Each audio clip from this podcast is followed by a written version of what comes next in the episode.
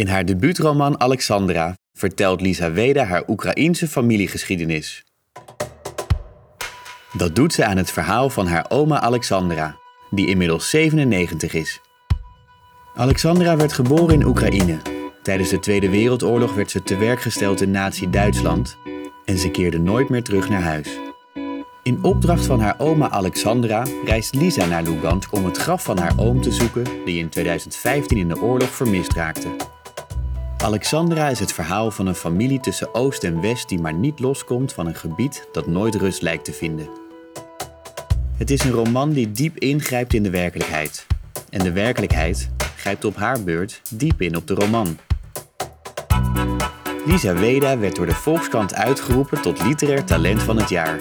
En haar boek maakt kans op de Libris Literatuurprijs. Ze gaat over haar schrijverschap in gesprek met Suzanne Holzer, haar redacteur. Welkom bij de Bezige Bij podcast. Hallo Suzanne. Dag Lisa, hier zitten we dan in de tuin van de Bezige Bij. Uh, gisteren uh, was ik zo'n beetje aan het mijmeren aan het lezen van uh, hoe ga ik dat gesprek met jou voeren. Want we hebben natuurlijk al zo krankzinnig veel gesproken afgelopen jaren. Maar er is ook zo krankzinnig veel intussen aan de hand met jouw boek, maar met de wereld. Ja. Op een citaat.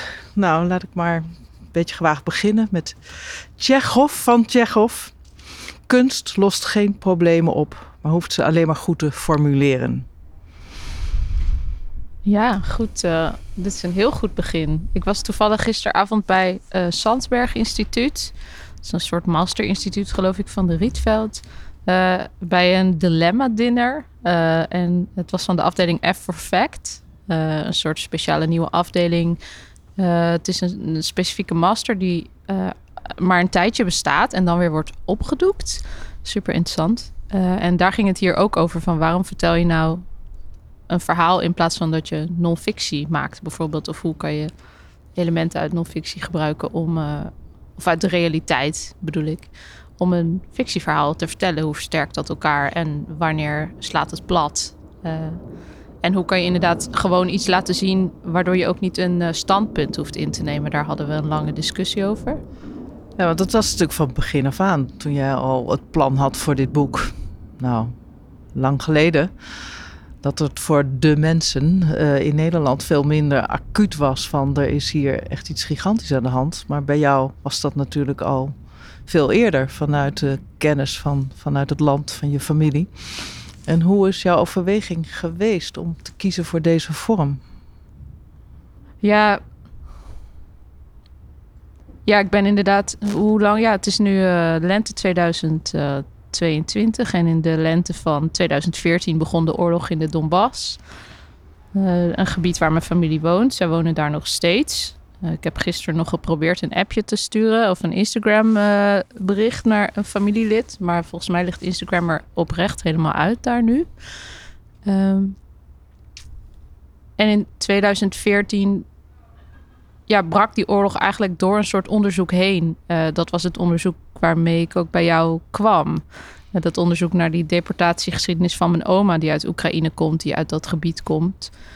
En ik denk dat die oorlog heel erg er doorheen kwam en dat ik in het begin helemaal niet wist hoe ik daarover moest schrijven, maar wel dat ik dacht, oh, het verdwijnt hier wel heel snel weer uit, uit beeld. Zoals heel veel dingen natuurlijk meerdere uh, oorlogen en crisissen en conflicten en wereldproblemen uit het nieuws verdwijnen.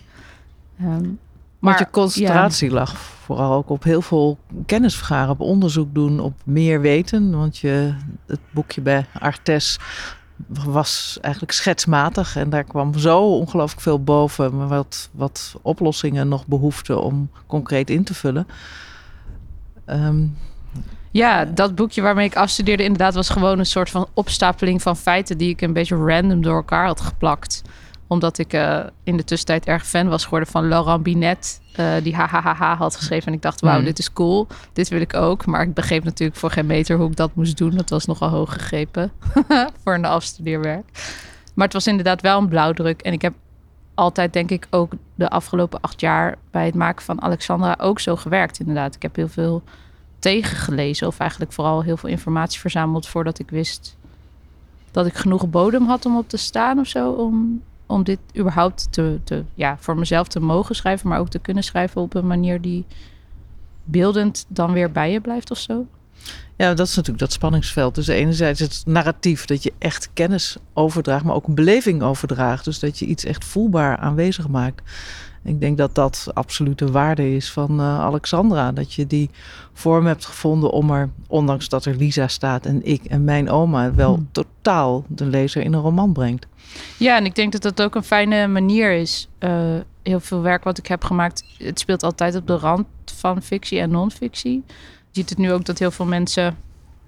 Uh, je ziet het aan de bestsellerlijsten dat heel veel mensen nu allerlei boeken over de, de Russische tsaar gaan lezen. En zich heel erg uh, ineens gaan verdiepen op een soort non-fictie manier. Maar dus ik denk dat dat heel belangrijk is, want dat is altijd de achterkant van mijn werk. Ik doe heel veel research en onderzoek en dan pas ga ik zelf schrijven. Maar in deze tijd vraag ik me af of het nog zin heeft om. Dit is een heel boute uitspraak, maar of het nog zin heeft om uh, al die duidende non-fictie te lezen. Want het is gewoon helemaal... Ja, het is nu hoeveel dagen oorlog? Uh, niet, ja, 21, 20. 22 inderdaad of zo. En het is helemaal niet meer te duiden. Gisteren in Mariupol bombardeerden ze een uh, concertgebouw... met dankgod een schuilkelder... Uh, waar zowel aan de voor- als de achterkant heel groot op de, het plein was geschreven... dat er kinderen in dat gebouw zaten. Mm -hmm. Ja, daar kan helemaal geen uh, geopolitieke analyse meer tegenop of zo. Nee. Nee, want als je nu opnieuw leest in Alexandra, dat is dus voor mij echt wel een, was dat toch een soort schok om het opnieuw te lezen na al die televisiebeelden, al die kennis van de afgelopen maand. Dat jouw boek is, nou ja, moet je dat zeggen, ingehaald door de werkelijkheid. De werkelijkheid heeft ingehaald, maar ik heb nog nooit meegemaakt in een boek wat ik fris las toen het verscheen. En een paar maanden later dat er een totale andere, diepere laag is. En bijna ja, die, de, de kennis van de wereld er zo in knalt. En ik dacht, misschien is het wel goed om het boek ook te openen nu voor onze luisteraars. Ja. Uh, dat ze ook uh, en zich voorstellen dat je dit dus schreef uh, een jaar geleden. en nou, misschien kun je. Ik denk dat het echt heel erg voor zich spreekt dat die echo van nu er snoeihard doorheen uh, knalt. Maar misschien is het wel mooi als jij dat her en der een beetje duidt. Dus het middelste alineaatje. Beginnen met iets uh, kleins, maar. Tijdens een avondwandeling met mijn oud-tante Klawa, de jongere zus van mijn oma, over de boulevard van Odessa, uitkijkend over de Zwarte Zee, benadrukte ze dat haar vader een chagraar was in die tijd. Een echte Don Kozak, een charmeur, een grappenmaker, een knappe man, zei ze. Maar vooral een chagraar. Mooi woord eigenlijk, hè? Ja. ja, wat was je... Wat een interessante beginingang. Behalve dat als ik nu aan het woord Odessa denk, dan kan ik alleen maar denken aan dat die hele stad nu een barricade is. Uh, je kunt helemaal niet meer uh, gezellig uitkijken over de Zwarte Zee. Maar waarom had je dit gekozen, Suzanne? Nou ja, de confrontatie met misschien wel de onschuld waarmee je dit schreef. Of tenminste, ik, ik was nieuwsgierig van toen je dit schreef. En nou ja, de, de kennis die we dan nu hebben, wat er allemaal nu gebeurt. Hoe, kun je nog terug naar het moment dat je dit schreef? En hoe was het toen? Ja, best idyllisch eigenlijk. Want zat er een voorstelling ergens in jou, want wetend nou ja, van de Donbass, van Lugansk, van alles ten diepste weten, dat, dat Odessa nog wel eens op deze manier uh, anders gelezen kon worden? Ja, het is wel interessant omdat die tante mij de, de, de eerste dagen dat het erop leek dat het Donbass uh, helemaal ingenomen zou worden. En dat zij die separatisten opriepen, Rusland opriepen om hen te erkennen als republieken. Toen stuurde deze tante me een appje waarin ze zei: Hij wil alles hebben. En uh, ik dacht, weet je, ja, wij dachten allemaal, nou ja, ik mag hopen van niet of zo. Um, en twee dagen later was het wel zover. En dat was heel, dat is heel Wat vreemd. was deze tante destijds in 2014? Had ze een notie hiervan? Ja, zij waren heel erg bezig met dat conflict. Ook omdat we daar familie hebben, maar ook omdat uh, je ineens andere gesprekken hebt met elkaar. En om, ik geef het boek even terug. En omdat de, de politiek eh, ineens een familie ook uit elkaar haalde. Heel erg duidelijk. Ja, ze waren wel bang en ze waren wel heel. De familie was wel heel duidelijk. eh, pro-Oekraïne in ieder geval. Van dit is ons land en dat moet het blijven. Ja, want als ik me herinner al schrijvend, kwam pas vrij langzaam, eh, kreeg je dat conflict ook in het boek. Was het eh, bijna ja, een beetje beducht om te schrijven over Kolja, om heel impliciet. Ik herinner me nog Ja. dat ik zei, maar als het er zo zachtjes staat, dan begrijpt niemand in Nederland of in Duitsland, waar dan ook, wat hier de onderliggende conflict is. En het was alsof je zelf misschien wel beducht was om het hard te benoemen of, of om het überhaupt in bewustwording ja, te ontdekken. Hoe ging dat proces?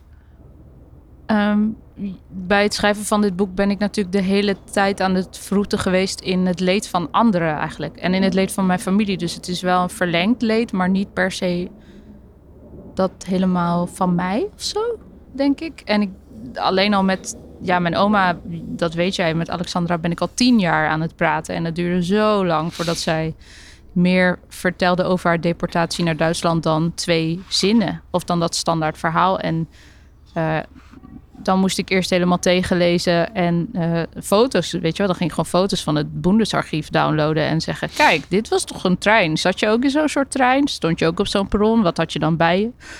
Ehm, en dan langzaam kwamen die verhalen er wel uit. Maar er was heel veel weerstand in het begin. En, eh, en die weerstand was al, nou, wat zou het zijn? Eh, 55 jaar oud. Dat is, heel, dat is super lang geleden. Eh, Nee, moet je het voorstellen. echt gebroken bij haar, ja. Je Ja. er echt ingebroken. Nee, je concentratie lag ook heel sterk op het, op het zien van hoe het vroeger was. En ik geef je nu een citaat. Dan kun je zien hoe diep je in de geschiedenis eh, bent gedoken. En dat je dat zo beeldend naar boven hebt kunnen komen. Dat kan natuurlijk ook alleen maar dankzij enorme inspanningen van research. Ja, precies. Dit, dit speelt zich af in de jaren 30. ik doe even de context. Ehm, eh, ik begon dus met het praten met Alexandra over de Tweede Wereldoorlog. En eh, langzaam ging mijn oma achteruit vertellen in de tijd.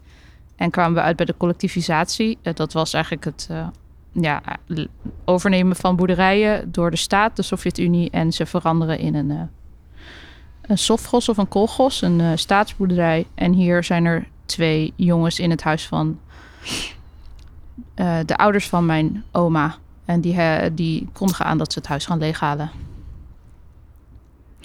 Volgende week komen we de boel leeghalen, zegt hij met zijn mond vol brood tegen Nicolai. Een deel van jullie kleren mogen jullie houden. Jullie mogen de wand kleden, twee stoelen en een krukje meenemen. Matrassen? Mag. Eén bed? Mag. Eén koe. Eén paard. Als er toch meer weg is, zeg een tafel of een stoel, dan jagen we een kogel door je kop. Hij lachte zijn witbruine tanden bloot. Alexandra kijkt even naar haar vader, die zijn hoofd schudt. Dat wil je niet, hè, koelakje? Jent de jongen. Als jij een volksverrader bent, mogen je kinderen nergens meer aan meedoen. Zijn woorden zijn kil en hard in de oren van mijn oma. Nog steeds kan ik die harde, hakkelende woorden van hem horen, vertelde Alexandra verbeten. Ze deed wat klanken na aan tafel, sprak Russische woorden uit alsof ze beet. Brood, plank, heilige. Ja, ik vind dit... Alles wordt heel wrang. Ik heb ook niet meer eh, eigenlijk... eh, er komen nu heel veel optreden, eh, bo- boekingen voor optredens. En ik lees eigenlijk helemaal niet meer... eh, logischerwijs in dit boek. Zou ook raar zijn als ik s'avonds met mijn eigen boek op de bank zou zitten. Eh, maar heel veel mensen op bijvoorbeeld Instagram delen fragmenten uit mijn roman, omdat ze het nu aan het lezen zijn. En eh, ik deel die dan niet of zo op Instagram. Ik ga dat niet re- reposten. Maar het is heel interessant om dat te zien, maar dat het ook zo pijnlijk wordt, net als dit. Want het, het nieuws dat je nu ook hoort, is dat er de soldaten die de steden niet in kunnen komen, de Russische soldaten, die trekken naar de dorpen. En die halen die dorpen gewoon helemaal leeg. Die gaan bij mensen binnen, die vermoorden mensen, die martelen mensen. Er zijn nog niet bevestigde berichten over verkrachtingen van vrouwen. Eh, en als je hier aan denkt, is dit eigenlijk.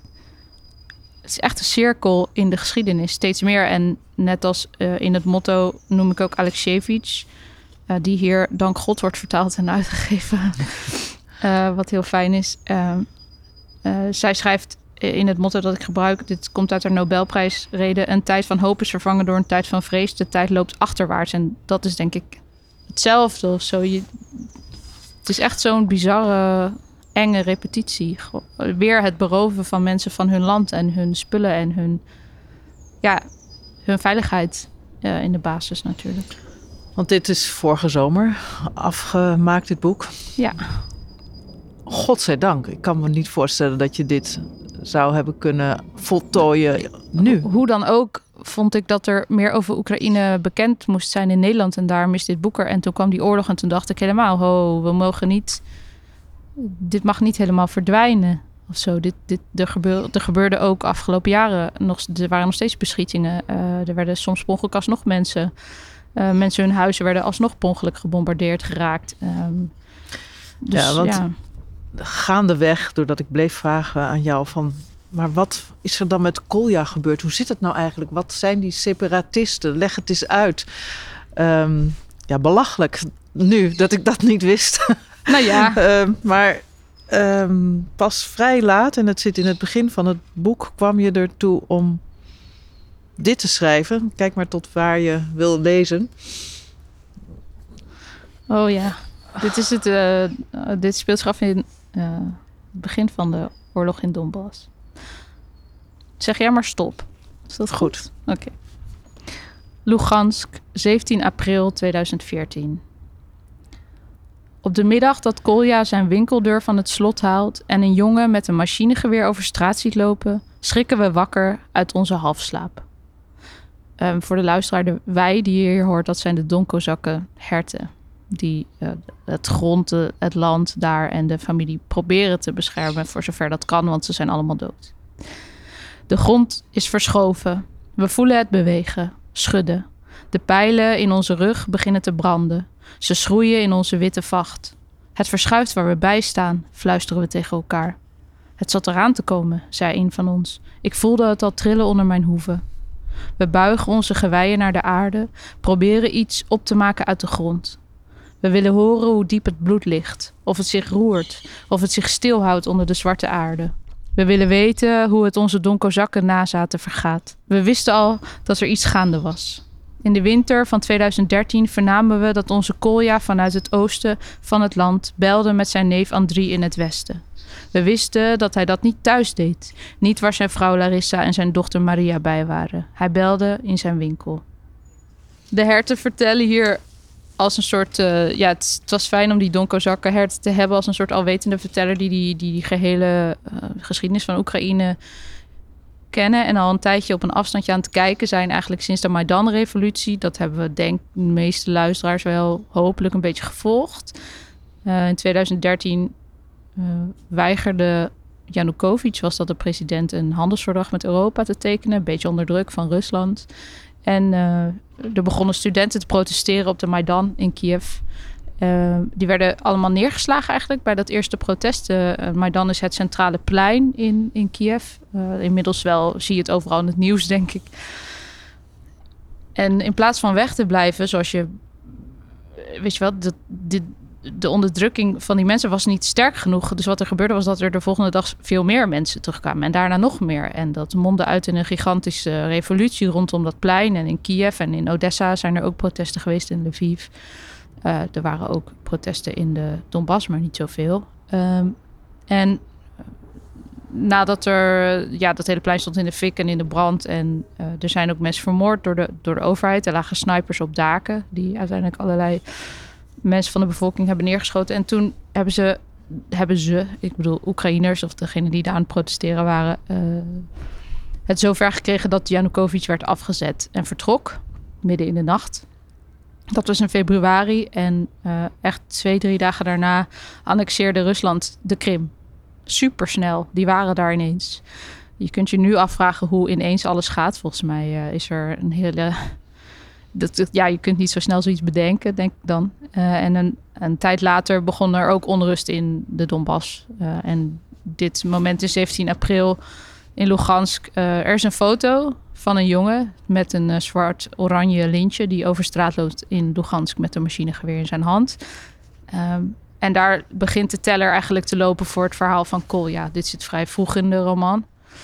Uh, zo ontdek je eigenlijk hoe die oorlog zich langzaam ontwikkelt vanuit zijn perspectief. Hij is een man met een uh, witgoedwinkel.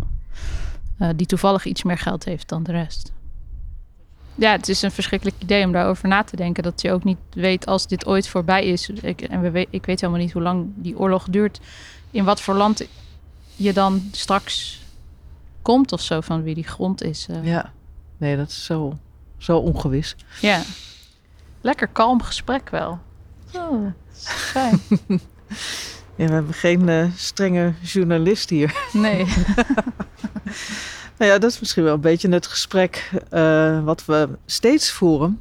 Uh, van hoe, dit is nu terugkijkend naar je boek. Maar er is natuurlijk ook nog een volgend boek wat je aan het maken bent. En eigenlijk de aard van het, ja, zoeken, mijmeren naar je thema's. Hoe doe je het? Hoe verhoudt zich tot verbeelding? Wat vertel je wel? Wat vertel je niet? Vanuit welk perspectief is nu het volgend kleiner boek wat je ja. aan het maken bent? Dans, dans, revolutie, wordt de titel.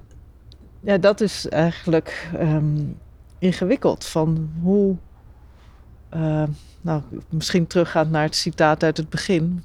Het conflict waar je nu in zit, wil je iets oplossen natuurlijk enorm de neiging om met een boek ja, je dit hele conflict redden, op te Ja, en, want, want hoe verhoudt zich dat dan nu? Want het is heel anders schrijven dan Alexandra schrijven.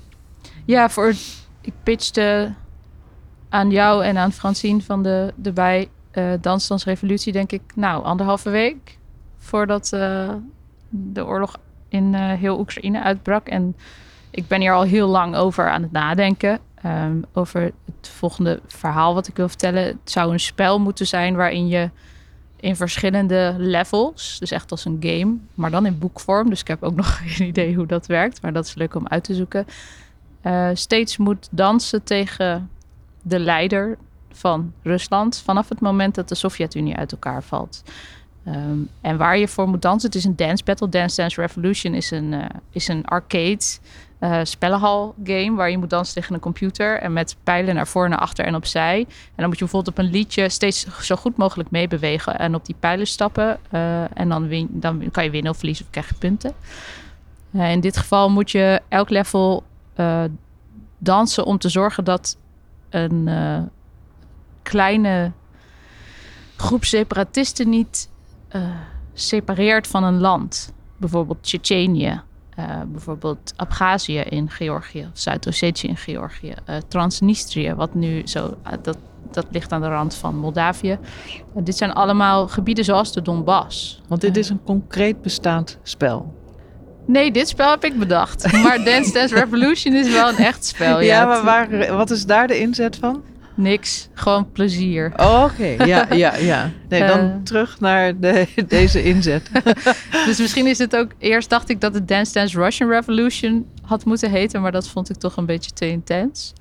Uh, maar misschien stelen we hiermee wel een copyrighted name... maar daar moet ik nog even over nadenken. Misschien moet er nog een ondertitel bij. Uh, en elke keer dat je danst, in het geval van bijvoorbeeld Tsjetsjenië... laten we daar beginnen, dan dans je volgens mij tegen Yeltsin. Het is nog vrij vroeg in de net na de val van de Sovjet-Unie. En uh, je denkt dat je kan winnen, maar je verliest. En. Want hoe ga je dat ja. opschrijven? Hoe, hoe, want enerzijds denk ik, wil je iets uitleggen wel? Wil je het laten zien wat er was? Ja, het gaat over die grotere lijn van allerlei kleine republieken die uh, wilden en dit zet ik echt tussen haken, wilde separeren en een eigen republiek willen beginnen. En vervolgens heel erg door, via de achterdoor door Rusland zijn geholpen. Door onder andere met wapens, uh, et cetera. En het is bedoeld om die gebieden instabiel te houden. Dat is de grote lijn die je moet zien aan het eind als lezer. Of die ik zie in ieder geval. En die mij erg interesseert. Um, maar dat spelelement, ja, ik zou het heel mooi vinden als het meer voelt als een theatertekst bijna. Een tekst die je overhaalt om mee te doen. Dat je echt het gevoel hebt dat je... Ik weet dus nog niet hoe, want dit is vrij ambitieus. Uh, dat je in een spel zit.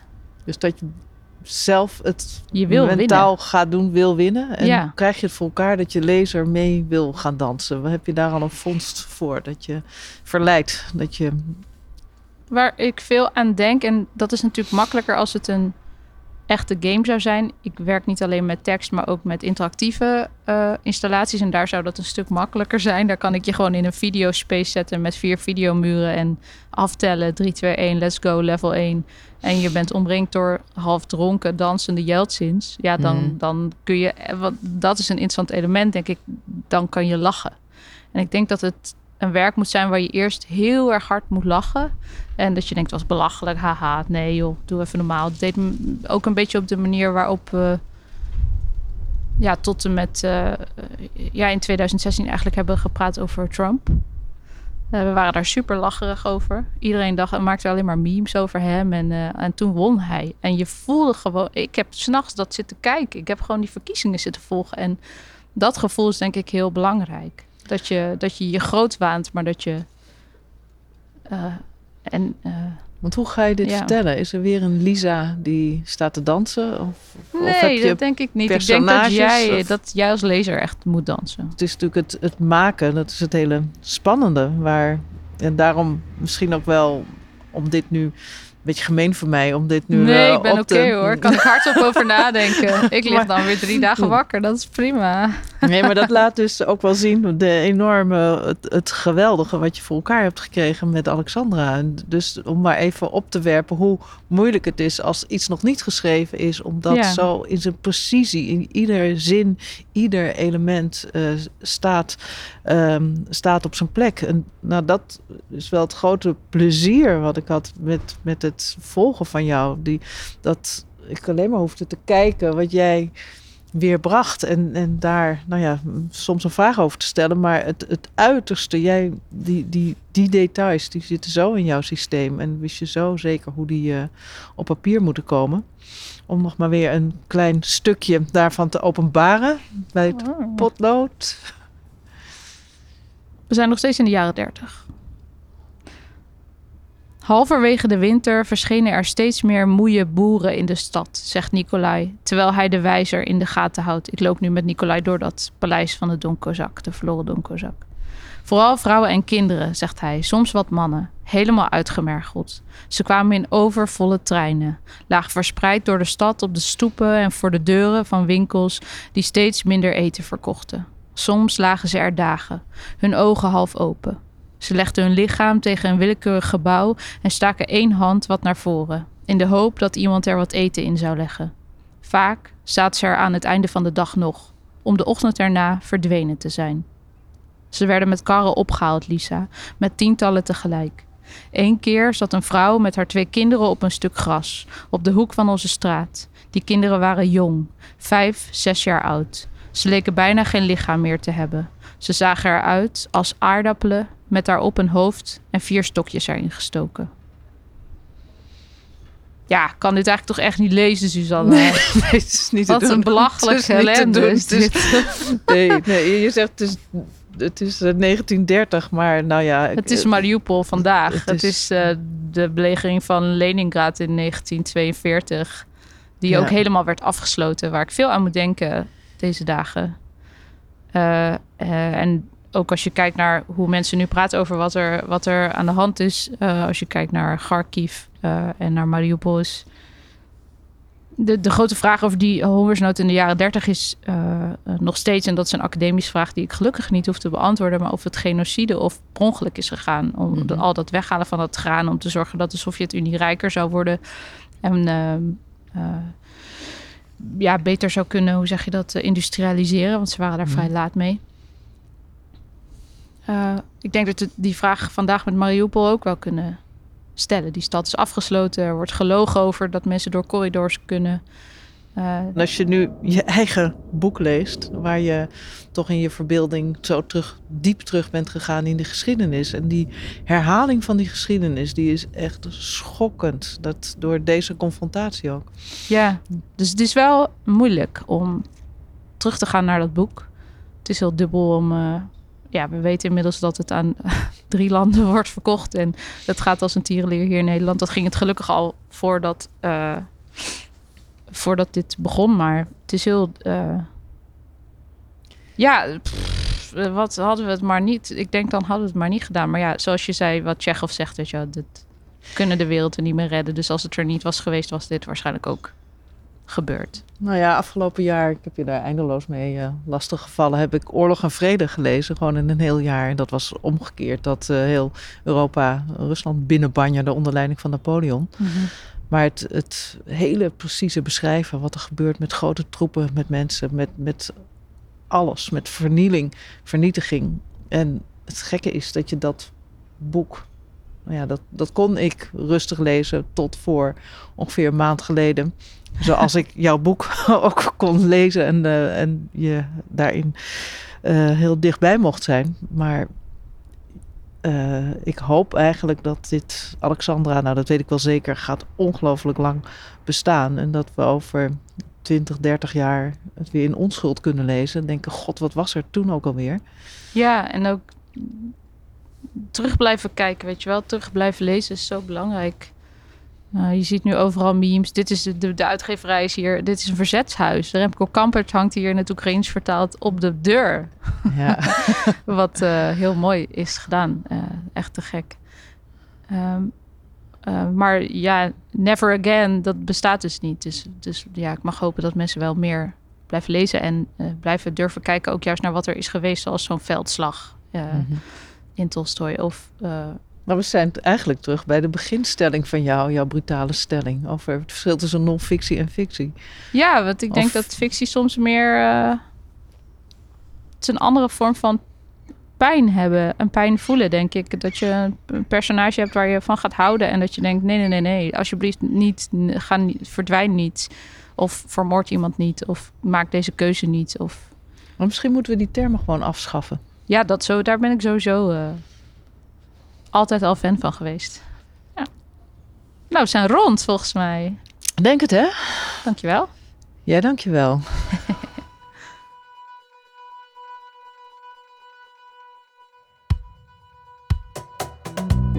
Alexandra is te verkrijgen bij alle boekhandels, bij voorkeur bij je lokale. De volgende keer is Ronald Giphart te gast, auteur van een indrukwekkend oeuvre dat al meer dan drie decennia omvat. We horen je dan graag weer terug. Doei!